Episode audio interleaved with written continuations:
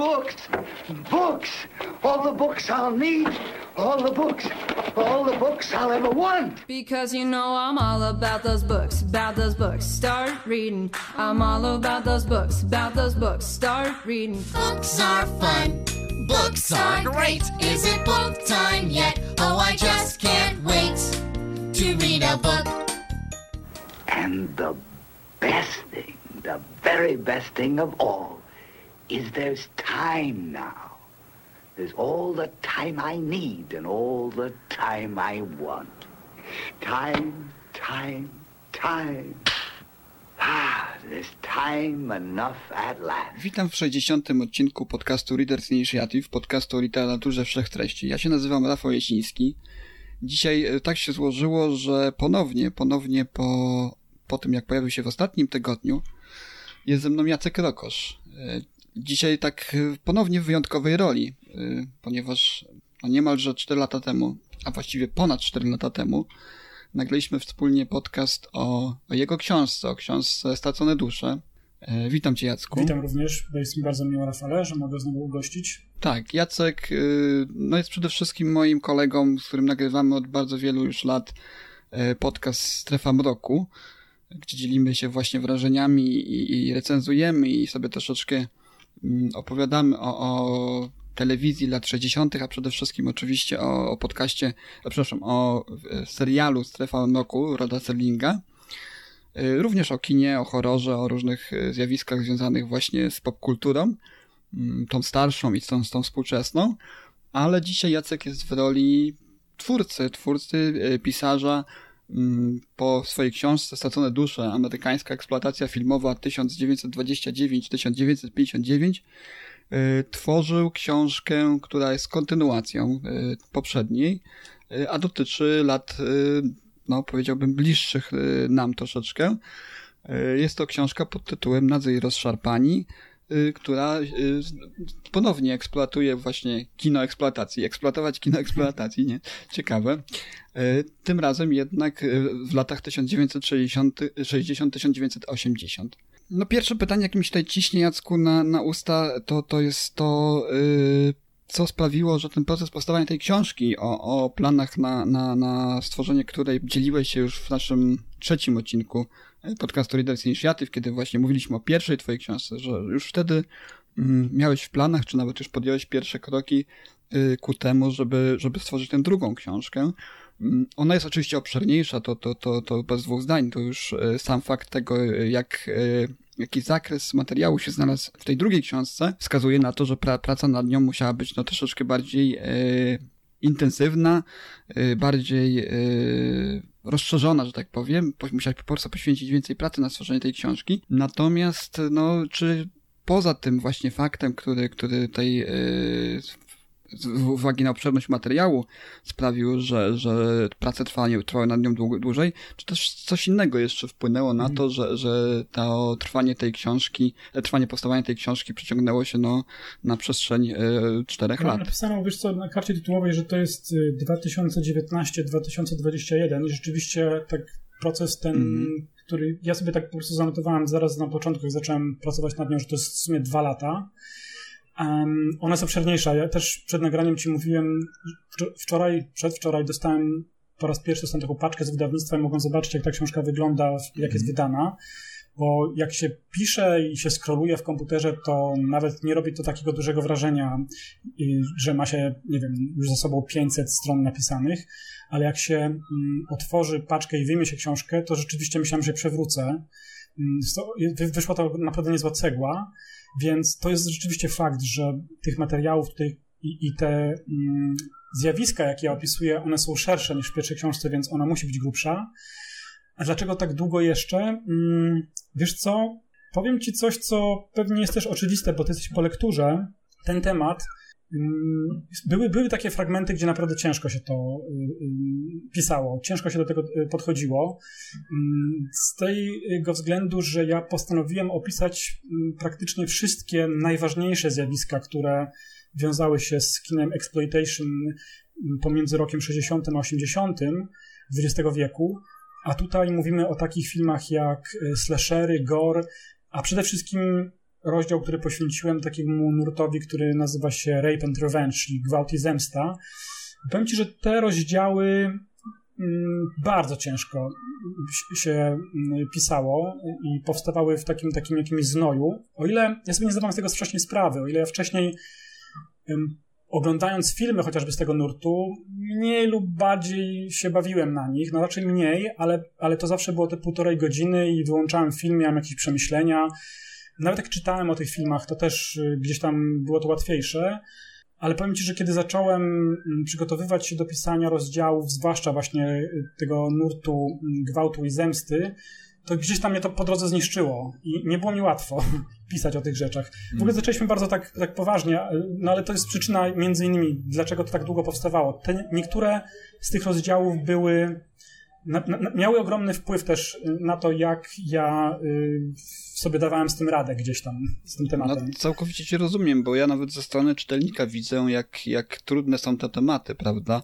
Y, gdzie y, z twojej perspektywy, jako, jako, jako fana, jako wielbiciela, badacza również y, kina eksploatacji, mm, no jest, jest pewnego rodzaju zachwyt, prawda, nad, nad, y, nad tym kinem, a z drugiej strony no, obrzydzenie, wstręt mhm. i, i wszystkie inne zupełnie ludzkie reakcje, które, które może y, to kino wywoływać. Już samo czytanie o, o, o tym kinie, Y, streszczeń tych fabuł, które również znajdują się w twojej książce jest y, no, bardzo niekomfortowe, prawda? Tak samo zresztą jak nieoglądanie, mhm. prawda? Jak oglądanie ich, bo, bo kiedy, kiedy ja po właśnie lekturze twojej książki sięgnąłem po, po kilka z tych tytułów, powodowany taką troszeczkę niezdrową ciekawością, rzeczywiście stwierdziłem, że to nie jest kino, które jest mówiąc mhm. wprost łatwe, lekkie i przyjemne, tak? To, to nie jest kino niedzielne, to jest rzeczywiście e, coś, co tylko mm, garstka właśnie ludzi, którzy fascynują się tego rodzaju nurtem w kinie, czy też nurtami w kinie doceni i ewentualnie powiedzmy gdzieś tam pod warstwą tego, tego brudu, krwi, prawda, flaków, okropności doceni pewnego rodzaju, no jeżeli nie kunszt, kunszt sztuki filmowej, to na pewno zaangażowanie i zapał tych ludzi, którzy którzy to kino tworzyli, prawda? My rozmawiając o twojej pierwszej książce poruszyliśmy mhm. tę kwestię, że e, mimo tego, że też e, kreślisz taki naprawdę szeroki e, kontekst popkulturowy do, do, do opisywanych właśnie dzieł i, i twórców i nurtów, to jednak ten, ten, ten pierwszy tom był taki mimo swojej przystępności, bo to świetnie się czytało z uwagi na twoje pióro, ja, ja bardzo lubię ten twój styl, ale, ale też to było troszeczkę, troszeczkę bardziej hermetyczne. Zresztą to też poruszaliśmy niejednokrotnie już w naszych prywatnych rozmowach, że jednak ten okres mhm. i, i to kino eksploatacji, to wczesne kino eksploatacji, ono jest bardzo, bardzo specyficzne. Nawet dla, dla fanów y, złych filmów, dla fanów y, złych y, twórców. Jest to, jest to troszeczkę taki hermetyczny, hermetyczny, powiedziałbym, hermetyczna przestrzeń, jeżeli chodzi o, o historię sztuki filmowej.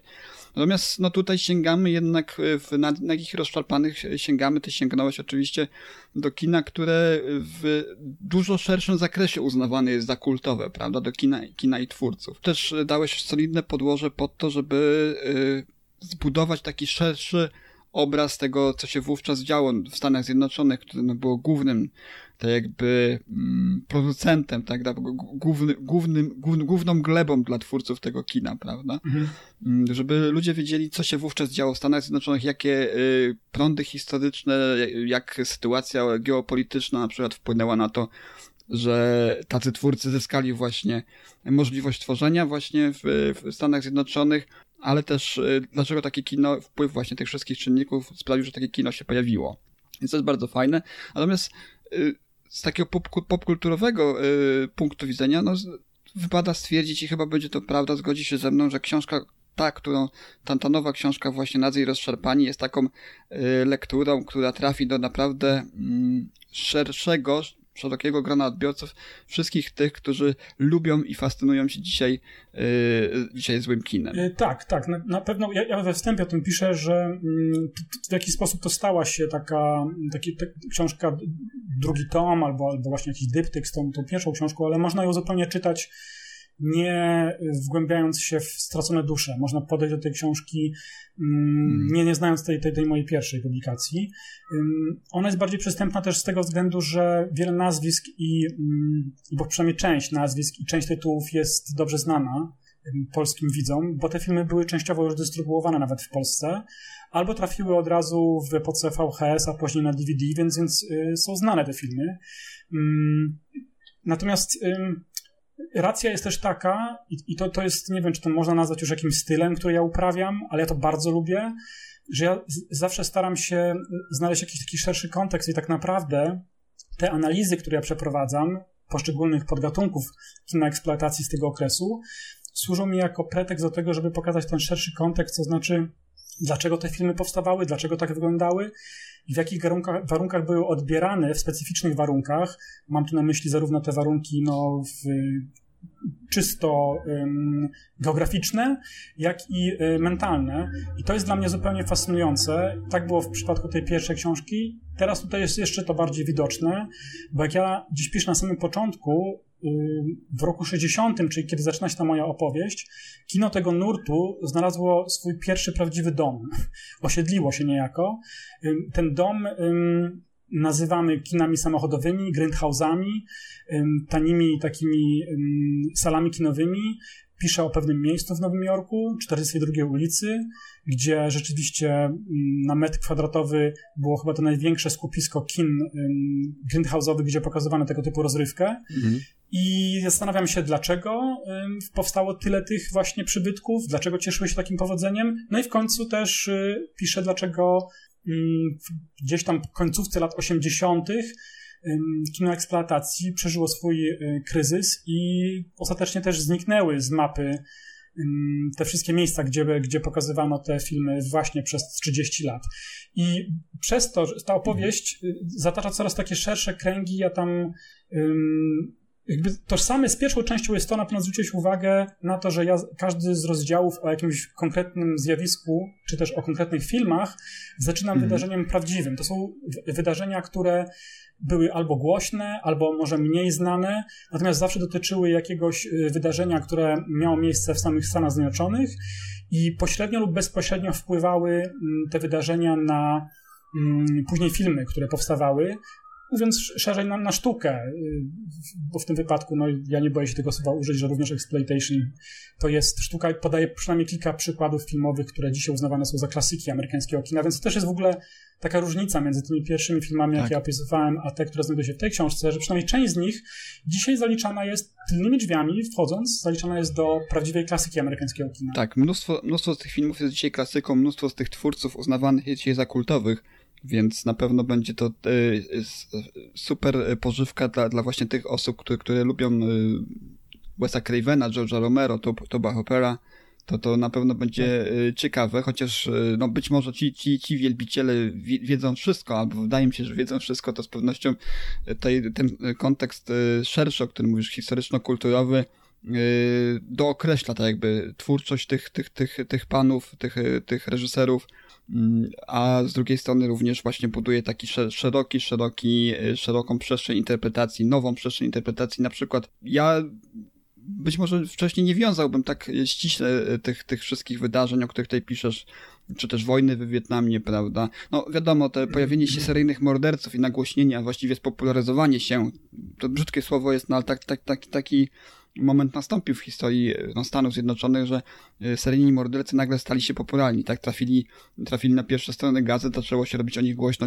Nie wiadomo, czy to właśnie większe zainteresowanie prasy tematem, czy też po prostu większa intensyfikacja ich, ich, ich e, czy skala rzeczy, które, które się e, zaczęły dziać, mm. prawda, jeżeli chodzi o, o seryjnych morderców, sprawiła, że stał się takim nośnym tematem właśnie dla, dla twórców popkultury, twórców właśnie filmu. No i oczywiście ten grunt, jakim jest właśnie przestrzeń kina eksploatacji, eksploatacji, która nie bała się wykorzystać tego, e, tych, tych wątków, prawda?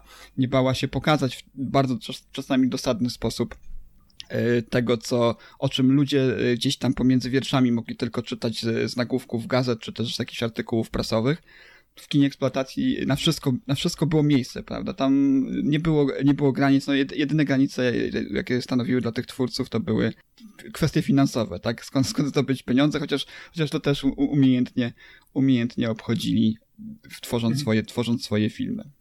E, wiesz co, ja mam, ja mam takie e, pytanie jeszcze do ciebie, bo tu pojawia się masa, masa znanych nazwisk e, i masa, masa filmów, o których, się, o których się słyszało. Ty oczywiście y, musiałeś się zaopatrzyć w wielką bibliografię i też, też czasami się dzieliłeś na temat tego, co, co zdobyłeś. Powiedz mi, ile, y, tak nie wiem, no, czy będziesz w stanie dokładnie, czy też w przybliżeniu podać mi, ile, ile dzieł musiałeś zgłębić? Mówię o tej, o samej literaturze w tej chwili, tak, y, ile, mhm. ile dzieł musiałeś zgłębić, żeby po prostu dokopać się do tych wszystkich ciekawostek. Bo wiadomo, z jednej strony jest jakieś źródła internetowe, ale z drugiej też e, masa, masa publikacji, które, przez które musiałeś e, przebrnąć, żeby wyciągnąć te najciekawsze kąski, te, te kąski, które pasowały do twojej wizji właśnie opowieści o kinie eksploatacji tej epoki. To jest e, bardzo ciekawe pytanie, bo książka jest wydawnictwem naukowym, wydanym przez moją macierzystą uczelnię i kładzie mhm. się bardzo mm, silny nacisk na to, żeby to wszystko było udokumentowane i sprawdzone.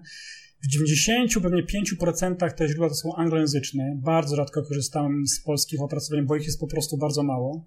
Pewnym wyznacznikiem tego, ile mhm. tego jest, może być dla ciebie taka informacja, że mm, książka ma 500 stron i tutaj naprawdę ważę słowa i to jest prawda, ma 500 przypisów, czyli średnio na każdej stronie jest przypis. To, to nie znaczy, że na każdej stronie jest, bo czasami po mhm. prostu jest ich więcej na mm, tych przypisów na jednej stronie.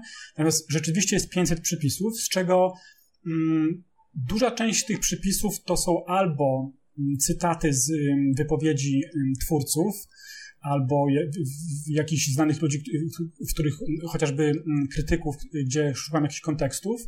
Reszta to są rzeczywiście mm, książki oraz y, filmografia, bo ja też bardzo często korzystałem z filmów dokumentalnych lub też ogromnym źródłem y, dla mnie mm. wiedzy były komentarze historyków, reżyserów, twórców tych filmów. Więc tymi przypisami również są nie tylko książki, ale również są y, bardzo ładne, piękne wydania, no bo na zachodzie nawet te niezbyt ciekawe filmy wydaje się w ten sposób.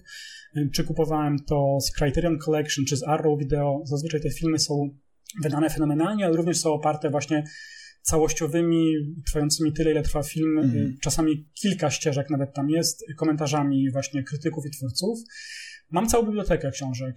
To jest taka, taka biblioteka, w sensie taka półka, nie wiem, ma ona pewnie za 2 metry wysokości i jakieś pewnie 1,5 do 1,70 m szerokości, zapełniona z książkami, które były bibliografią do tej mojej książki.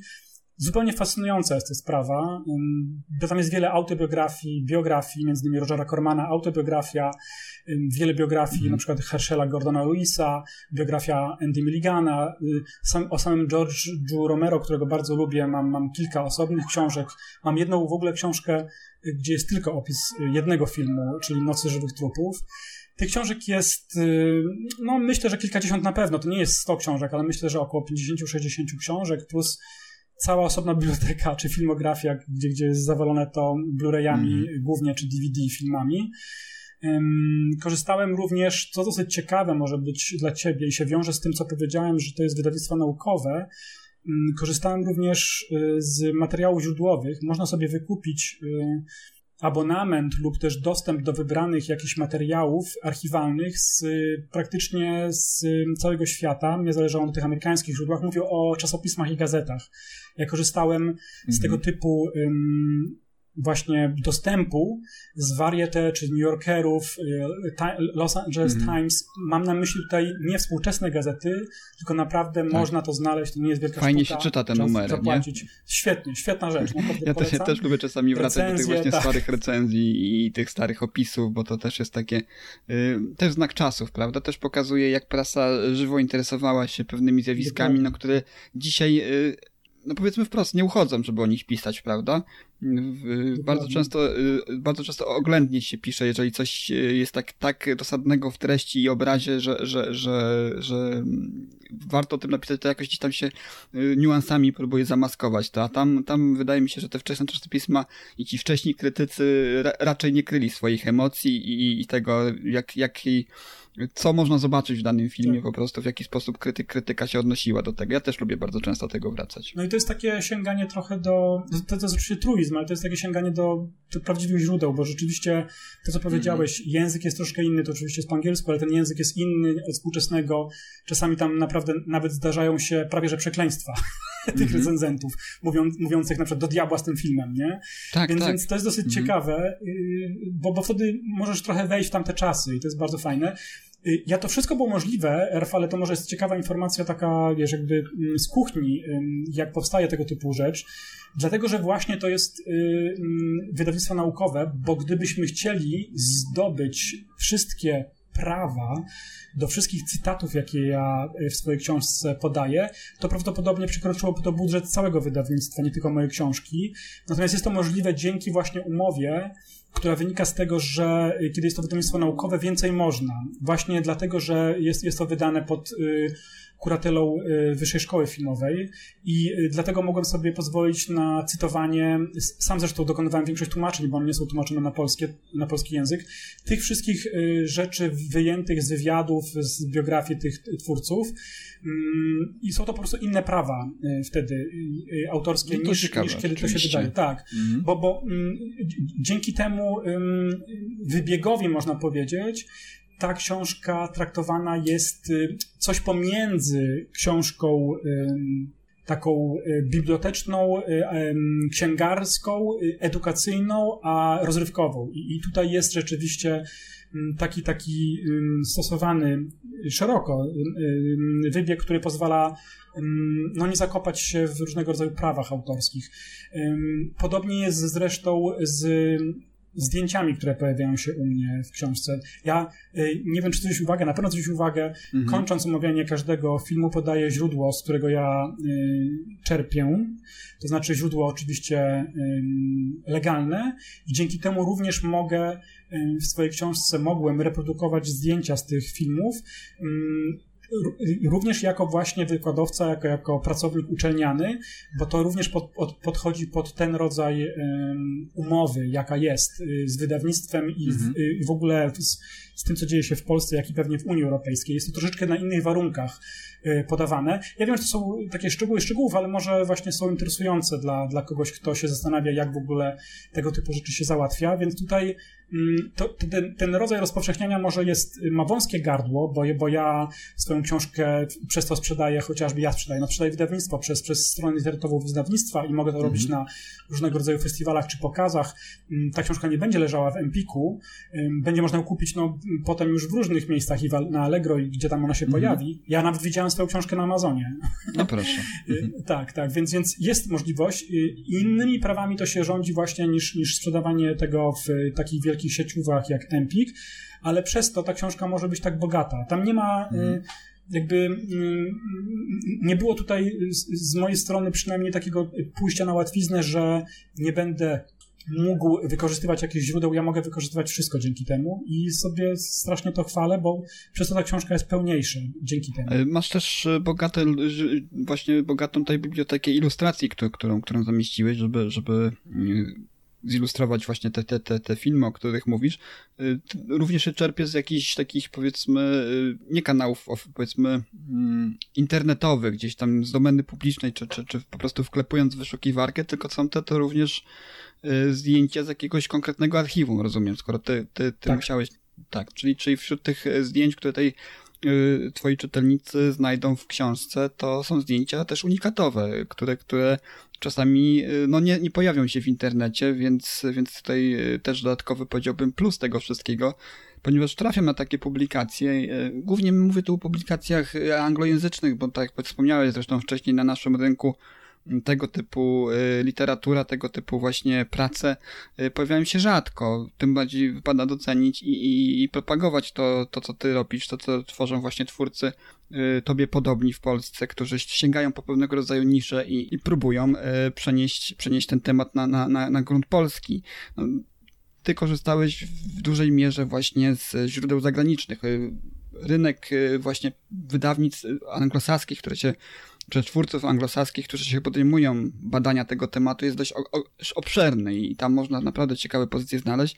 U nas jest tego mniej, ale z drugiej strony to, o czym wspomniałeś, czyli dostęp do tych źródeł i też y, przez to też wartość y, tej y, finałowej, prawda, finałowego dzieła jest moim zdaniem dużo większa niż taka typowo popkulturalna, yy, nie umniejszając oczywiście tym twórcom zagranicznym ale bardzo dużo osób sięga właśnie tworząc tego typu książki, może nie tego typu, ale podobne, o podobnej treści, czy też po podobnym, po, po, po podobnym zakresie tematów, ale to jest coś, co głównie bazuje na tym, co znajdą w internecie, prawda?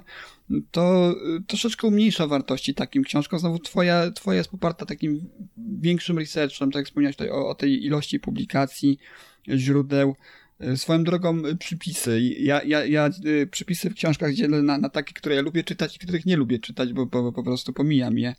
E, a tutaj akurat e, przypisy, większość z nich oczywiście, no bo też e, nieraz przypisy są zwykły, zwykłą linijką tekstu, prawda, odnoszącą się do konkretnego źródła, ale czasami są to właśnie obszerne materiały, które tutaj też równie ciekawie się czyta w nagich i rozszarpanych, jak, jak samą treść główną, więc tutaj też, też fajna, fajna rzecz, którą wypada pochwalić. Ale byliśmy przy zdjęciach ilustracje, bo to, co odróżnia tę książkę mhm. od, od straconych dusz.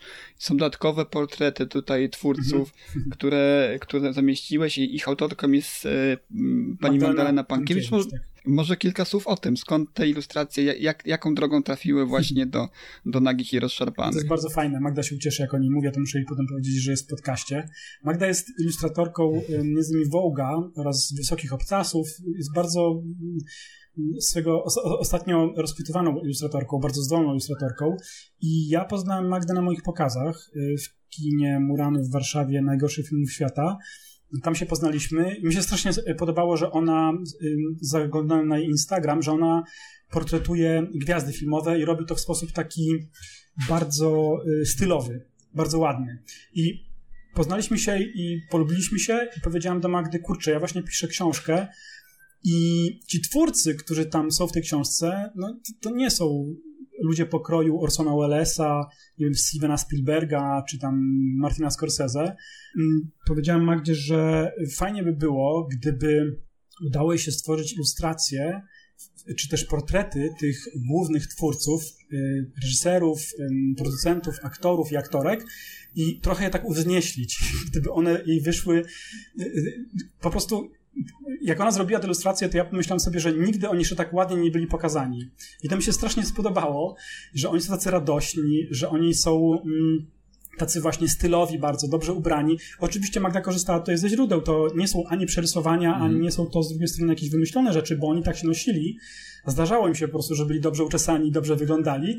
E, no ale na przykład portret Eduda w mojej książce to już jest ten okres, kiedy on był naprawdę już mocnym alkoholikiem. Widać to, że jest mm. już trochę bardziej otyły, no, już wtedy chorował na chorobę alkoholową i tak go Magda przedstawiła, ale równocześnie ma dużo w sobie takiego, takiej poczciwości i właśnie takiej jakiejś y, stylowości ten, ten portret. I mnie się to strasznie spodobało. Wszystkie one takie są, takie, takie pomiędzy właśnie takim portretem y, oddającym te konkretne cechy, y, rysy twarzy, a z drugiej strony lekką karykaturą, nie? Tak, tak. tak wchodzą w, wchodzą w ten. No, bar, bardzo, bardzo fajny dodatek. Y, od razu, od razu przykuł moje oko. Ale może teraz już wrócimy do samej treści. Chyba, że chcesz jeszcze coś powiedzieć o, o, o pani Magdzie i nie, historii. Bar bardzo chciałem jej tylko podziękować. Ja już, ja już zresztą podziękowałem nie raz, ale przy okazji polecam wszystkim, którzy nas słuchają, z, z zajrzenie gdzieś, wy, wy, wy klikanie sobie w internecie, bo Magda jest bardzo zdolna i bardzo się cieszę. To, to, to stał się taki patchwork, bo Okładka jest nieco inna, zdjęcia są oczywiście z filmów, które są już w ogóle same w sobie, są różne mm -hmm. te, te, zdjęcia, bo różne to są filmy, plus te ilustracje Magdy, ja sobie zdaję z tego sprawę, że ona stała się taka efemeryczna przez to, yy, ta książka tak estetycznie, ale ona moim zdaniem świetnie wpisuje się przez to ta estetyka w, w, jakby w klimat i też w treść samej książki, gdzie trudno tutaj mówić o jakiejś spójności, wiesz, w tych filmach. Tak, tak. Wiesz, on zawsze taki dodatek jest, jest, jest miły i, i tak jakby podnosi wartość dzieła. Ja, ja zawsze mówię, że jeżeli obok treści bo treść oczywiście najważniejsza, są, są jakieś fajne takie e, dodatki, e, bonusy, to, to my, my lubimy bonusy, zresztą tutaj e, tak już troszeczkę schodząc w sferę tak. naszych zainteresowań, my lubimy, kiedy dostajemy produkt i, i czy jakieś dzieło i, i, mamy dużo bonusów, to, to, to odnosi tak tych wydań DVD, które czasami sobie tutaj polecamy i które omawiamy w ramach naszego podcastu Strefa Mroku. No ale teraz wracając do samej, do samej książki, książka, tutaj podkreśliłem na samym początku to, że, że jest to książka, która trafi do szerszego grona odbiorców, chociażby z uwagi na to, że, że opisujesz tutaj twórczość i, i drogę do, do, no powiedzmy, sławy mm, takich y, tuzów jak, jak Wes Craven, Roger Corman, George Romero, Tobe Hopper i, i, i wielu, wielu innych, ale też na kartach twojej książki pojawiają się ludzie, o których no przyznam szczerze, że ja nigdy wcześniej nie słyszałem i domyślam się, że też większość y, współczesnych y, fascynatów y, kina, właśnie eksploata eksplo eksploatacji, czy też złego kina, nawet jeżeli kiedyś widziało któryś z ich filmów, to na pewno nie, nie zna tak y, obszernie y, dorobku, czy też historii, biografii takich postaci jak Herschel Gordon Lewis, Russ Meyer, Andy Mulligan. To są wszystko nazwiska, które były mi wcześniej nieznane, więc od razu taki mój apel do słuchaczy, którzy być może zainteresują się tą książką, albo stwierdzą, że nie, że oni już y, y, znają od podszeszki te, te, te, to, to kino i tych wszystkich twórców, których tutaj wymieniłem, tych znanych, okazuje się, że nie, że, że tutaj również y, sporo miejsca poświęciłeś, o ile nie nawet więcej miejsca poświęciłeś tym mniej znanym postaciom, równie barwnym, prawda? Y, powiedz mi teraz, bo chciałem ciebie zapytać na samym początku, przyszła mi taka myśl, że, że dzisiaj w trakcie naszej rozmowy troszeczkę cię podejdę i zapytam cię o twojego ulubionego twórcę z tej książki, którego najbardziej cenisz lub najbardziej przykuł twoją uwagę, ale wiem oczywiście, że tutaj padłyby dość oczywiste nazwiska, prawda? To byłby pewnie Kodman, to byłby pewnie Romero, o którym już niejednokrotnie mówiliśmy w ramach innych podcastów, a ja właśnie chciałem cię spytać o tych troszeczkę mniej znanych, czy spośród tej, tej plejady właśnie nazwisk, które, które dzisiaj no może nie zapisały się aż takimi wielkimi literami w tym kinie gatunkowym, jest jakaś postać, którą chciałbyś tutaj tak pokrótce, troszeczkę zajawiając to, co później będą mogli nasi E, słuchacze i twoi czytelnicy znaleźć w książce, którą chciałbyś tutaj wyróżnić, wskazać, która, która jest, nie wiem, twoim ulubionym y, twórcą z tej niszy w niszy, że tak powiem. Nie mogę powiedzieć, że ulubionym, bo ulubionych już troszeczkę podałeś, ale to, co powiedziałeś, jest bardzo mm. ciekawe, Rafale. Przede wszystkim mm, też z punktu widzenia tego charakteru tego wydawnictwa. Mój recenzent, y, przyjaciel, profesor Uniwersytetu Jagiellońskiego Piotr, Kletowski, Mm, twórca doskonałej biografii, chyba jedynej w Polsce, Stanleya Kubricka. Tu od razu podkreślę, Piotr naprawdę jest bardzo dobrym znawcą kina. Piotr od razu uznał, pisząc recenzję mojej książki, że jest coś takiego, o czym przed chwilą powiedziałeś i mnie się to strasznie podoba. To wyszło to musiało wyjść, takie coś, że, że, że, są tutaj twórcy i zjawiska, które są w ogóle nieznane, nawet dla mnie nie były nieznane. Odkrywanie tych y, twórców było dla mnie największą nagrodą i takim największym silnikiem tego, że chciało mi się dalej to poznawać. Bo o takich podstawowych rzeczach zdawałem sobie sprawę, ale przyznaję ci się, robiłem plan, oczywiście, pisania, który najpierw dzielił się na poszczególne podgatunki, tam i slasher, i gore, i, i sexploitation, i bikesploitation, i y, oczywiście mm, carsploitation i tak dalej, i tak dalej. I to wiedziałem, że tam będzie, ale potem przychodząc do szczegółów, szukałem oczywiście wybranych, reprezentatywnych jakichś y, reżyserów i filmy i trafiałem dzięki temu gdzieś tam pod takie kamienie, których wcześniej mm, nigdy pod nie nie zaglądałem i nie wiedziałem, że tam takie rzeczy znajdę i to było niesamowite. I na pewno... Mm, takim twórcą, który by go bym wyróżnił, to jest też już wymieniony przez ciebie Andy Milligan. Ja nie miałem zielonego pojęcia, albo nawet jeśli wiedziałem, widziałem jakiś jego film kiedyś, to mi przemknął i nigdy nie wgryzałem się w twórczość tego twórcy, twórczość tego twórcy, no, w filmy tego twórcy.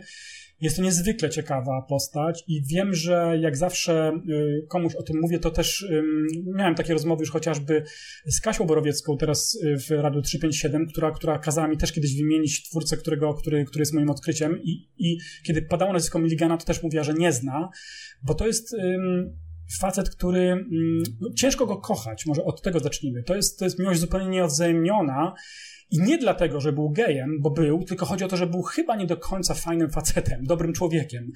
On ym, często wspominają, jego współpracownicy był ym, na planie dosyć zaborczy, agresywny, nie był dobry dla swoich współfilmowców. Tak jest też w jego filmach. Jego filmy są niezwykle szorstkie, są niezwykle brutalne. Ja opisuję bardzo dokładnie jego film Obrzydliwcy, ale również piszę o jego karierze jeszcze przedfilmowej, kiedy on tworzył sztuki teatralne w takim miejscu w Nowym Jorku, gdzie y, wystawiano takie bardzo, bardzo undergroundowe, awangardowe sztuki. No i Andy Milligan tam nieraz reżyserując, wiesz, był w stanie pobić swoich aktorów, nie? Jakby mówię o tym nie, dla, nie, nie z jakąś z rodzajem fascynacji to mówię, ale oczywiście, żeby być zupełnie w porządku, ja tego nie pochwalam i też czytając to byłem totalnie zszokowany, ale ta, ta dziwna bohema, gdzieś tam nam się kojarząca chociażby z y, kręgiem Andy Warhola, tutaj jest zbliżona bardzo do tego, co niósł za sobą Andy Milligan. Rzeczywiście mnóstwo osób y, z jego otoczenia to, byli, to były oryginały i um, dziwne były relacje między nimi oraz dziwne panowały obyczaje na planach y, jego filmów. Między innymi w filmie Obrzydliwcy, który ja opisuję, nie wiem czy to pamiętasz, ale on w finale filmu zapalił swojego aktora. W sensie, no polał go naftą i go zapalił, nie? I, i, I, w samym filmie, ja też o tym mówię, słychać, bo oni nie robili dubli, jak Andy Milligan krzyczy cięcie, cięcie, żeby go ratować, bo on już po prostu upadł i zaczął się palić. To są bardzo dziwne mm. rzeczy. To są rzeczy, które oczywiście są niedopuszczalne. Ja o tym też piszę, staram się o tym pisać, oczywiście jako badacz y, z XXI wieku. To nie są rzeczy, które ja tutaj podaję w swojej książce i zacieram ręce i klaszczę. Raczej, raczej staram się to wszystko wyważyć, poznawać te zjawiska i ocenić je w sposób właściwy. I często powtarzam, że ta przemoc, która była tutaj skierowana wobec y, mm, aktorów, wobec y, czasami jakichś postronnych obserwatorów, i, i, i coś, co pojawia się nawet później zarejestrowane na taśmie filmowej, to nie jest nic dobrego. Naprawdę to nie jest nic dobrego, mm, ale to jest część tego. Wiesz, ja też o tym mówię chyba w samym już posłowiu. Te filmy nie są poprawne. Te filmy nie są poprawne realizatorsko, ale też y, politycznie, jakby obyczajowo. Natomiast są częścią, czy nam się to podoba, czy nie, y, popkultury lub nawet szerzej patrząc kultury. I moim zadaniem jako badacza jest przedstawić to czytelnikowi i potem, jak sam powiedziałeś, widzowi, bo zacząłeś te filmy oglądać i zostawiam wam oczywiście ocenę tego. Ja, jak powiedziałem, mnie wiele kosztowało czasami sięganie do tego typu no, mhm. czeluści, ale jestem bogatszy tą wiedzę. Wiem, kim był Andy Milligan, wiem, co to był za twórca, dlaczego on tworzył takie rzeczy, w jakim kontekście. Ja tam też piszę właśnie o środowisku mniejszości seksualnych w Nowym Jorku, jak to wyglądało wtedy. Coś, co tak naprawdę jest teraz e, bardzo mocnym i, i, i te, tematem, który się pojawia w dyskursie publicznym. E, ja mam w ogóle wrażenie, wiesz, rozszerzając to Rafale, że wiele rzeczy, o których ja tam piszę, mhm. Troszeczkę mogą przybliżyć współczesnego czytelnika do takich sfer, żeby zdać sobie sprawę, gdzie jest źródło pewnych rzeczy, bo w Stanach Zjednoczonych wiele rzeczy się zaczynało. Mhm. Mówię o właśnie środowisku LGBT+, czy też właśnie o narkotykach, o w ogóle o przemocy, czy też o walce z rasizmem, jeśli mówimy o kinie Black Exploitation. I mam takie ambicje, żeby czytając tą książkę, to nie jest oczywiście sedno tej książki, bo ja nie jestem socjologiem, ale tam parę tych y, akapitów jest poświęconych na przybliżenie y, zjawiska. No, ja, ja na przykład mówię o tym, że y, Afroamerykanie czuli się zaszczuci przez oczywiście opresyjne działania państwa, mówię o policji, ale mówię też o czarnych panterach równocześnie, nie? czyli o paramilitarnym, mało legalnym no, organizacji, która również podejmowała się walki i, i, była uzbrojona w broń półautomatyczną i dochodziło do strasznych rzeczy. To są, to są zjawiska, które gdzieś tam um, działy się obok, ale to jest troszeczkę tak, jakbyśmy sobie wyobrazili, idziemy na film typu Blacula, i idąc do tego kina, na przykład w mhm. Bostonie, tam w 70 którymś roku, widzimy spalone witryny y, sklepów i wiemy, że doszło tu do zamieszek na tle rasistowskim, więc to wszystko jest dosyć y, ważne moim zdaniem.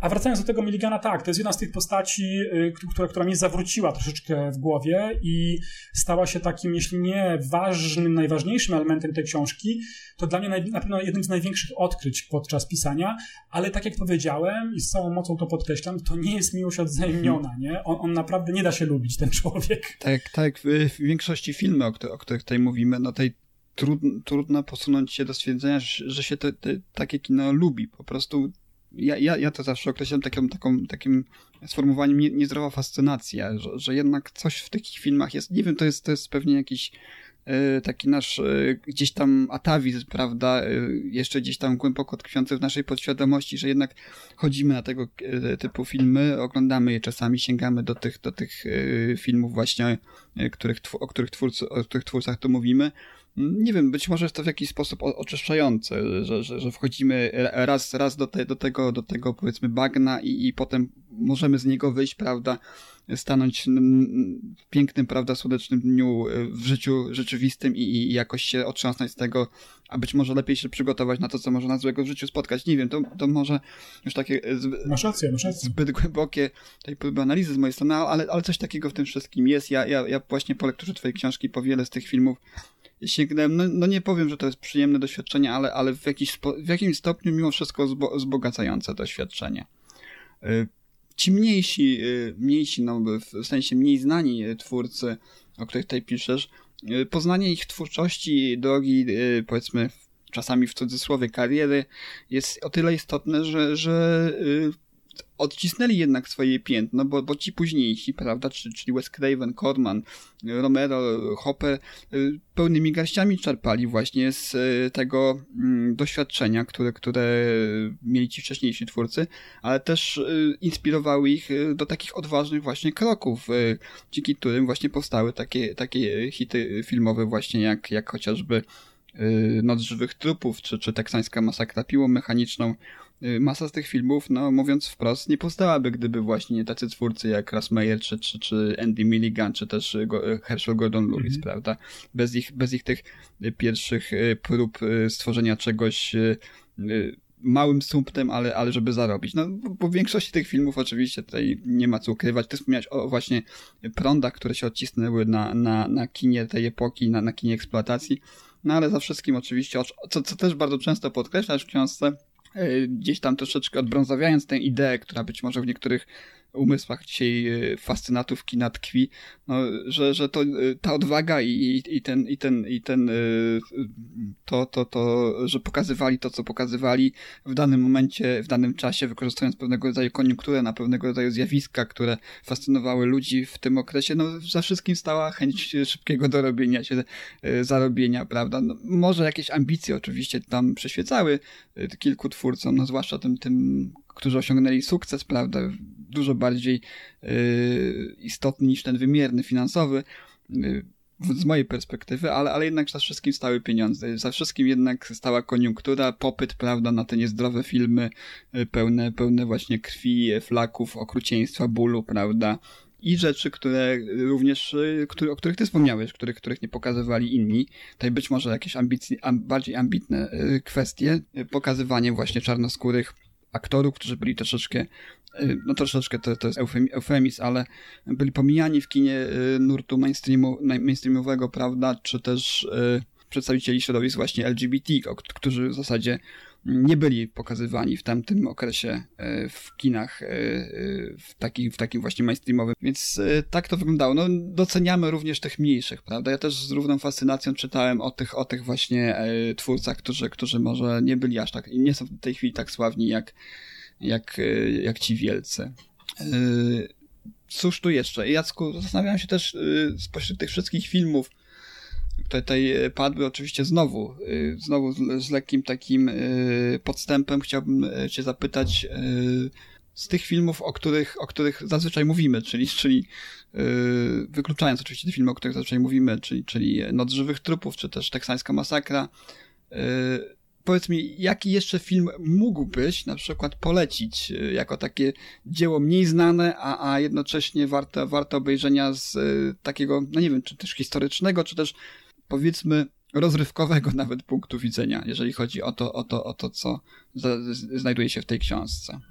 Bardzo ciężko jest mi, wiesz, mówić o filmach. Bardzo które... trudne pytanie. Wiem. Tak, tak, dlatego, że z jednej strony ja je bardzo wszystkie ukochałem, te filmy, a z mhm. drugiej strony nie chciałbym wskazywać naszych y, dzisiaj słuchaczy, żeby, wiesz, oglądali filmy, które, no, są jakie są, no bo tutaj od razu musimy powiedzieć, że y, to jest fascynujące, to się fajnie o tym rozmawia.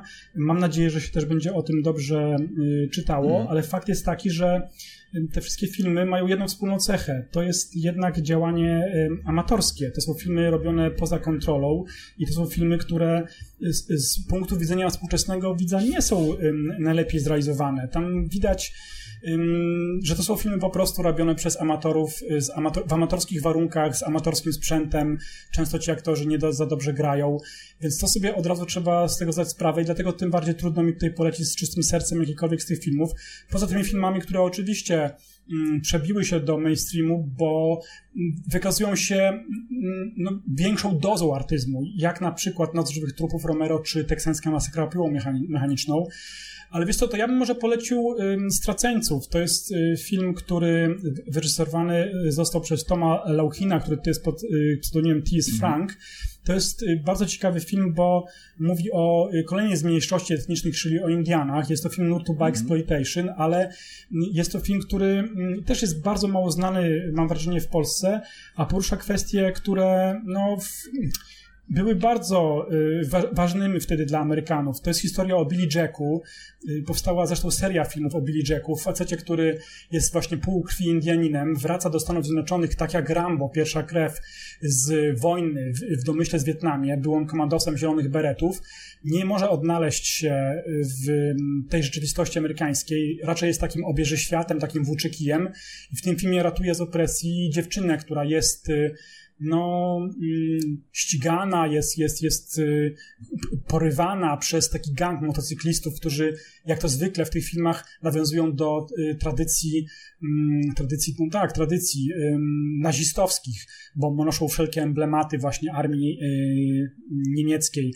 I tutaj jest w ogóle dziwne sprzężenie, ciekawe, że oto półkrwi Indianin musi walczyć z białymi motocyklistami, którzy dodatkowo noszą Hakenkreuze, wiesz, krzyże żelazne i, mm -hmm. co tam jeszcze sobie nakładają na siebie, więc dosyć ciekawy film w kategoriach właśnie jakichś znaczeniowych.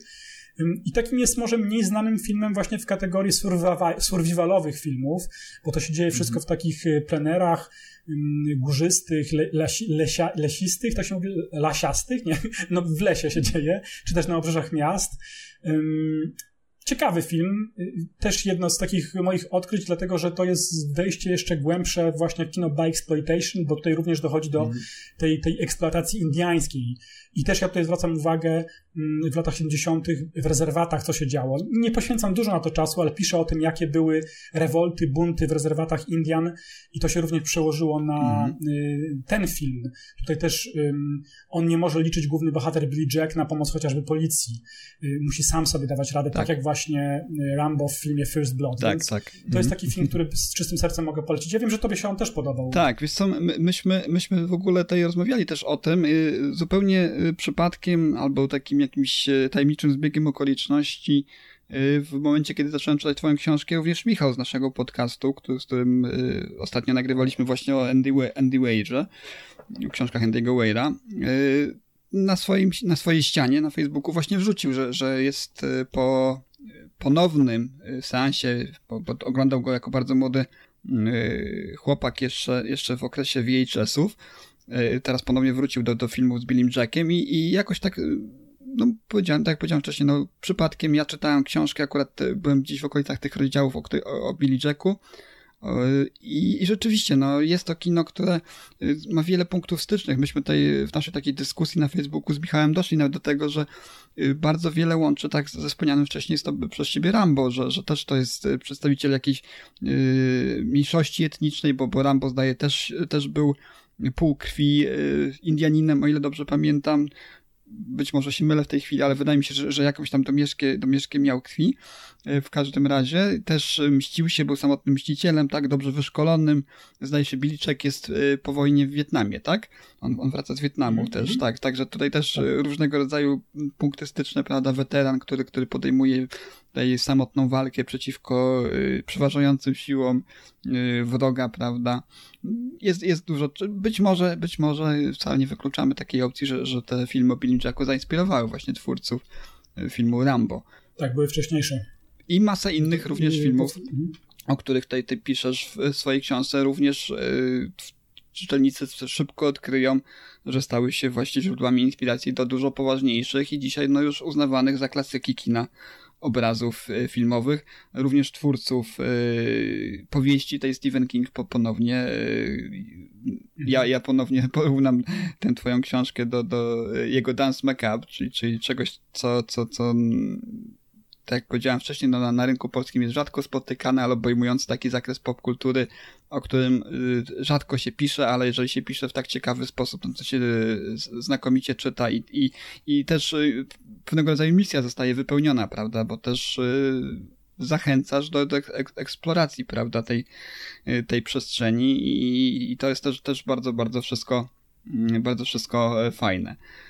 E, książka wyszła niedawno, ja ją czytałem troszeczkę wcześniej, dzięki, dzięki twojej uprzejmości. Książka wyszła niedawno, e, w trakcie naszego ostatniego nagrania na, nastąpił ten epokowy moment, w którym się podzieliłeś, że, że właśnie się pojawiła. To też mnie bardzo tak. ucieszyło, bo, bo też dość długo czekałem na to, żeby się wreszcie ukazała, żebyśmy mogli sobie o niej porozmawiać tak, żeby każdy, kto będzie chciał, kto wysłucha naszego dzisiejszego podcastu, mógł od razu wejść e, na stronę Łódzkiej Szkoły Filmowej. E, tej linki oczywiście podajemy w naszym, pod naszym nagraniem. Będzie można kliknąć sobie w łatwy sposób e, książkę twoją nabyć u samego źródła.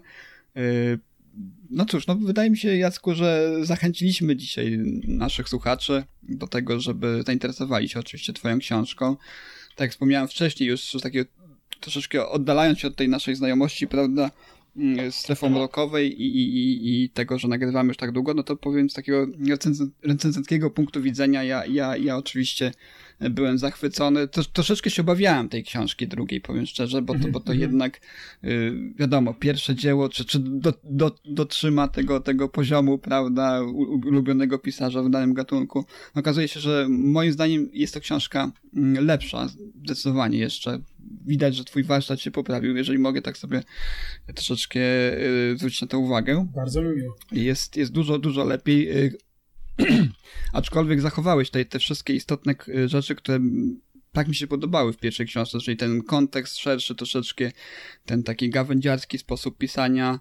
Y, no i ja miałem jeszcze o, o, tyle, o tyle łatwiej, o tyle przyjemniej mi się to czytało, że, że my w trakcie naszych długich rozmów przy, przy, przyzwyczailiśmy się też do, do siebie, do, do swojego y, głosu troszeczkę i ja też czytając tę książkę, tak jakbym ciebie słyszał opowiadającego o tych wszystkich y, cudach, prawda, kina, eksploatacji cudach i koszmarach, może tak powiedz, powiedzmy, kina eksploatacji.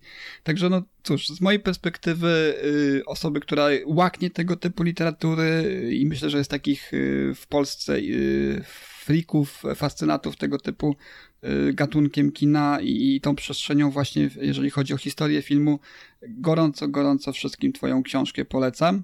Y, pytałem cię prywatnie o plany, nie wiem, czy będziesz chciał się tutaj podzielić publicznie tym jeszcze, ale wiem, że to nie jest koniec. Nie zamierzasz spocząć po nagich i rozszarpanych na laurach, chociaż y, kolejna książka, która gdzieś tam jeszcze w sferze powiedzmy planów być może majaczy, Mm, to już nie będzie trzecia, trzecia część. To nie będzie Stracone Dusze 3, tylko, tylko, tylko będzie coś zupełnie, zupełnie innego. Mój recenzent mnie namawia, żeby y, domknąć to i zrobić trylogię. Ja trochę się zmęczyłem, przyznaję. A? Że miałoby to być hmm. lata 90-2020, czyli tak naprawdę pisałbym o Hostel, Ela Rocie, wiesz, o wszystkich tych filmach współczesnych. Hmm. Jest to ciekawe, ale przyznaję, że mm, no, dużo mnie kosztowało napisanie tego i, i czasowo, hmm. i, i, i zdrowotnie nie, nie, to nie to, to jest złe słowo, ale no może psychicznie, nie? że jakby mam przed sobą tą książkę naprawdę na tyle waży, ile, ile, ile mnie kosztowała. Ale moim pragnieniem i takim marzeniem jest rzeczywiście napisać um, podwójną biografię. Sobie to wymarzyłem nawet chyba z, mm. gdzieś tam, jak w trakcie pisania Straconych Dusz chciałbym bardzo napisać y, książkę o mm, Borisie Karloffie i Beli Lugosim, ponieważ oni razem również grywali w filmach i dlatego chciałbym napisać o ich kooperatywie, o ich współpracy. Nawet wymyśliłem sobie już tytuł, też mogę się podzielić y, Wampir kontra potwór, ponieważ Lugosi to wampir, a potworem był Boris mm. Karloff, bo przecież grał w Frankensteinie potwora Frankensteina. No i tytuł też, tytuł też nawiązuje, prawda, do y, nurtu, gdzie tytuły też tego typu przyciągały do kin, prawda, masowo widownie swego czasu. Więc to jest moje takie marzenie, jeszcze nie plany. Ja też jestem czynnym filmowcem, to znaczy nie, oprócz teorii zajmuję się również robieniem filmów, w tym wypadku animowanych, więc teraz jestem tym zajęty ostatnio, więc na razie nie planuję, to też mogę powiedzieć Rafale już zupełnie oficjalnie w tym roku cokolwiek zaczynać, bo nie będę miał ani sił, ani czasu ale przyznaję ci, że mm, kiedy się takie dziecko rodzi, mm, w każdym, każdym znaczeniu tak jest. Nawet jak się robi podcasty, kiedy już go zmontujemy i puścimy, to odczuwamy taką przyjemność. No oczywiście ona jest zwielokrotniona, jeśli mhm. pracujesz nad czymś dłużej, więc kiedy otworzyłem książkę, ją wyjąłem, no to poczułem ogromną radość i to wszystko, te wszystkie trudy, te, te, te, te bóle właśnie związane z wydaniem tego, bo to trwało tak długo, już usprawiedliwiam się, bo był COVID i po prostu wydanie książki papierowej w momencie, kiedy, no może nie wszyscy tak dobrze to pamiętamy, ale były takie miesiące, gdzie naprawdę nic nie działało. Nie no, wszyscy to pamiętamy. Więc zarówno drukarnia, jak i ciężko było y, zrobić skład i, i, i druk y, tego w tym okresie, więc dlatego tak to długo trwało. Koniec końców książka, kiedy już wyszła, to poczułem ogromną ulgę i takie strasznie zadowolenie, i co to oczywiście daje dużo energii na przyszłość, więc nie mówię, że nie, ale póki co daję sobie mm, chwilę oddechu. Powiem Ci jeszcze jedną fajną rzecz y, a propos Dance Macabre. Ja bardzo Ci dziękuję za te słowa, bo to już mówiliśmy nawet podczas nagrania z Mando, kiedy nagrywaliśmy dla y, SK y, Stephen King y, Radio, że ja bardzo lubię Macabre. I powiem Ci, że miałem niezłe, mm, niezłe déjà vu, bo wyciągnąłem swoją książkę, okazała się ona grubsza niż się spodziewałem i jak widziałeś, ona jest cała w czerwieni. I to mi się strasznie skojarzyło Mhm. z pierwszym wydaniem Dance Macabre w Polsce, wydanym przez Pruszyński i spółka. tak, pamiętam. ona była czerwona. Mhm. I to było takie dziwne uczucie, bo trzymam taką cegłę i pomyślałem sobie, kurczę. Mam to wydanie. No właśnie, bardzo ładne. Znaczy, ładne, ym, może, może już się trochę rozlatuje, bo podejrzewam, że nie było tak dobrze wydane. Ja pamiętam, że tyle, Mhm. takie wiele razy czytałem, że mi się zaczęło rozlatywać, ale bardzo dobrze wspominam właśnie tą całą obwalutę z samochodem, z takim głową diabła i wszystko było w Mhm. czerwieni. I wczoraj jak wyciągnąłem swoją książkę, powiem narcystycznie, to pomyślałem sobie, kurczę, Jacek, to jest Dance Macabre. Także to nawiązanie do tego, co mówiłeś, ale tak naprawdę jest mi bardzo miło, że mówisz mi o tym stylu, bo w jakiś Ale sposób... o, to obaj, obaj, ty i Stephen King kończycie, kończycie na, tym samym, na tym samym momencie mniej więcej, jeżeli chodzi o, o Mhm, to prawda. czasy, 60. prawda, o, de, o, de, o dekadę. No, King bardziej popkulturowo, prawda, bo on tam te, te, to, tą swoją gawędę rozciąga również na, na Radio, literaturę, tak. na komiks, radio, no ty, ty bardzo filmowo. Dlatego też y, być może, kiedy, kiedy już y, powiedzmy ten, y, to zmęczenie, prawda, pracą nad tą książką upłynie i znowu poczujesz głód pisania, to być może gdzieś za jakieś 4 lata spotkamy się znowu przy mikrofonach i, i, i będziemy mówili o, o kontynuacji yy, kontynuacji właśnie tego nurtu w kinie. Swoją drogą, teraz tak mi przeszło do głowy pytanie, czy, czy, czy uważasz, że, że kino eksploatacji, że kino tego rodzaju zaliczyło pewnego, pewnego typu regres w tej chwili, bo no, raczej nie mamy za dużo filmów, prawda? Nie mamy za dużo horrorów y, tak odważnych, a jeżeli już nawet jakieś remake'i powstają, prawda, to, to one nigdy nie, nie, nie, nie dorównują poziomom, poziomem y, tego, y, tych ok- okropieństw, y, brutalności, prawda, czy nawet takiej odwagi pokazywania niektórych rzeczy na ekranie, jak, jak, jak kino eksploatacji właśnie z okre- omawianego okresu.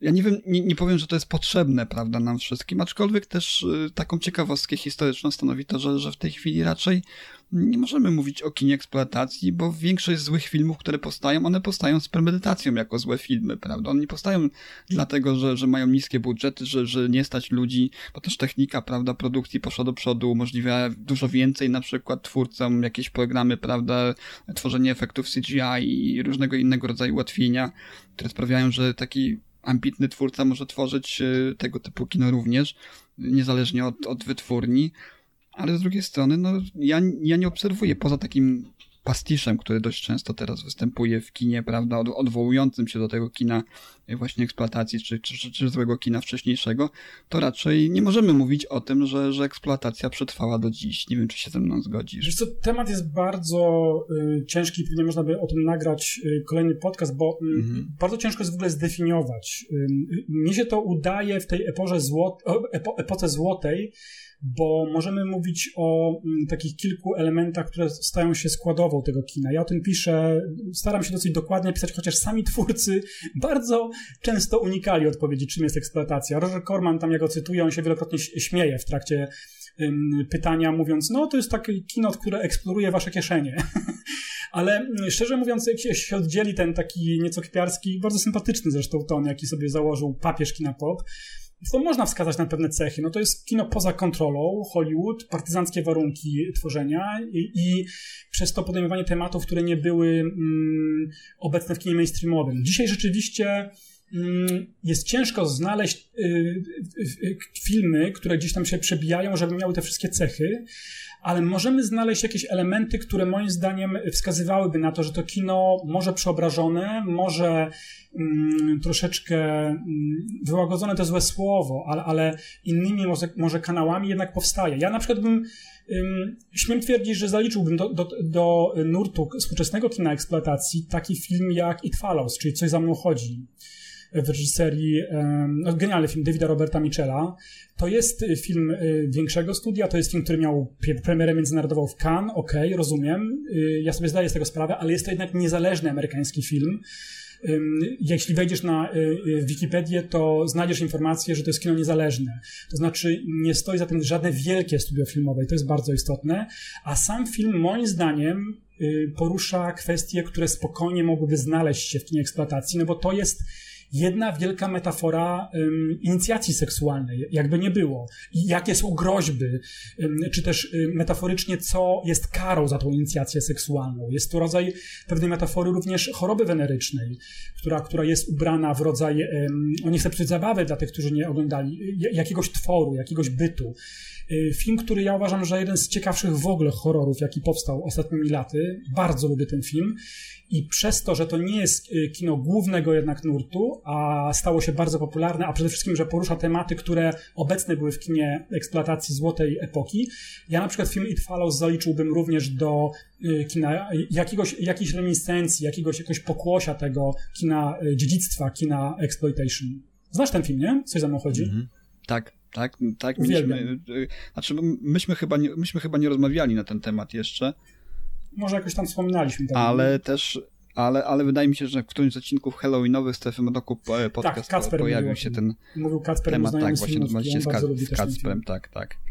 Więc, mm, więc Także tam odsyłamy. Znaleźć. No jednak tak, jak, jakkolwiek no, nie, ma, nie ma takiego prądu szerokiego, prawda, czy mocnego, -hmm, jak, -hmm. jaki był właśnie w omawianym okresie. Czy, czy wypada za nim tęsknić, czy nie, no to już pozostawiamy y, kwestię niedopowiedzianą, prawda, bo tutaj poruszamy się troszeczkę po grząskim gruncie, zwłaszcza, że te filmy prezentowały taką, a nie inną treść i formę.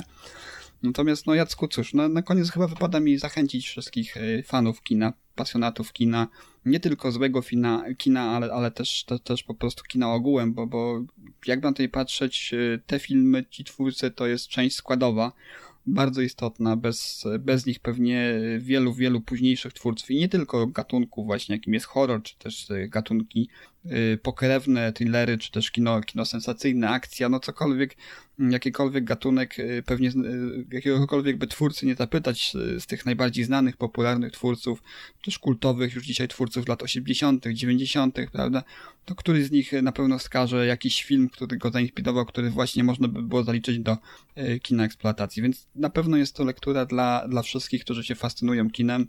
Na pewno jest to lektura wyjątkowa y, w połączeniu oczywiście z pierwszym tomem, który też polecam, który również do nabycia jest w księgarni y, łódzkiej szkoły filmowej.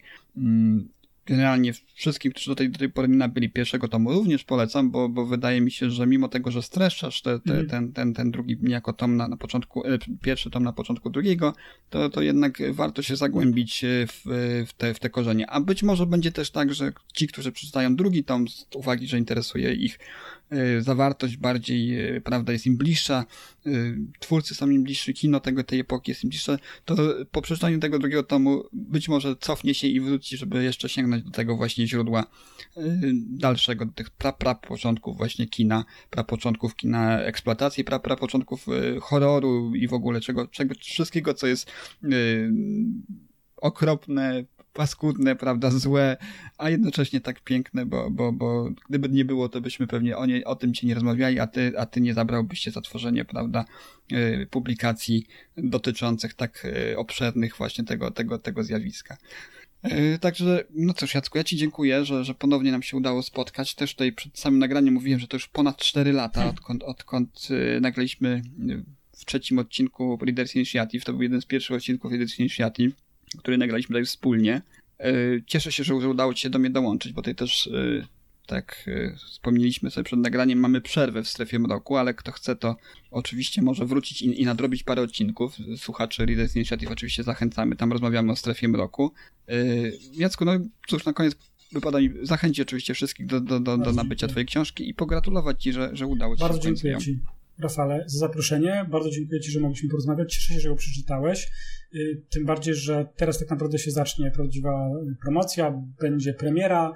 Nie wiem jeszcze kiedy, bo jestem przed rozmowami z ym, pewnym kinem, które mnie przytuliło od lat, czyli kino Muranów, Gutek Film i tam na pewno już, dzisiaj wstępnie rozmawiałem telefonicznie, mówimy o lipcu, kiedy nagrywamy, że będzie premiera, ale nie wiem, czy nie zostawię na jesień. Mam nadzieję, że się nie zamkniemy covidowo i że się wszystko ładnie odbędzie, bo moją wielką ambicją jest y, ściągnąć jeden z filmów, który opisuję w książce.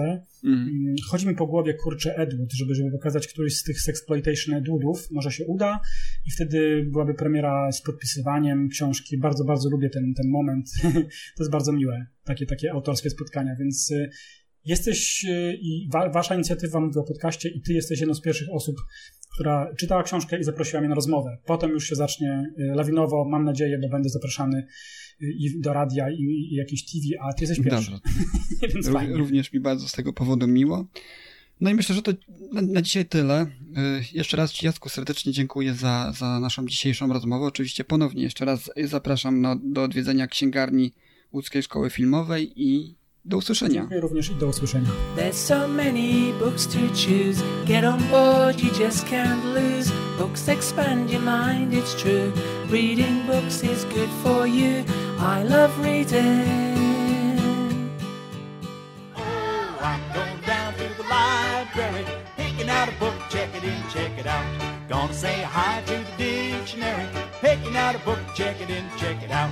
I'm going down to the library.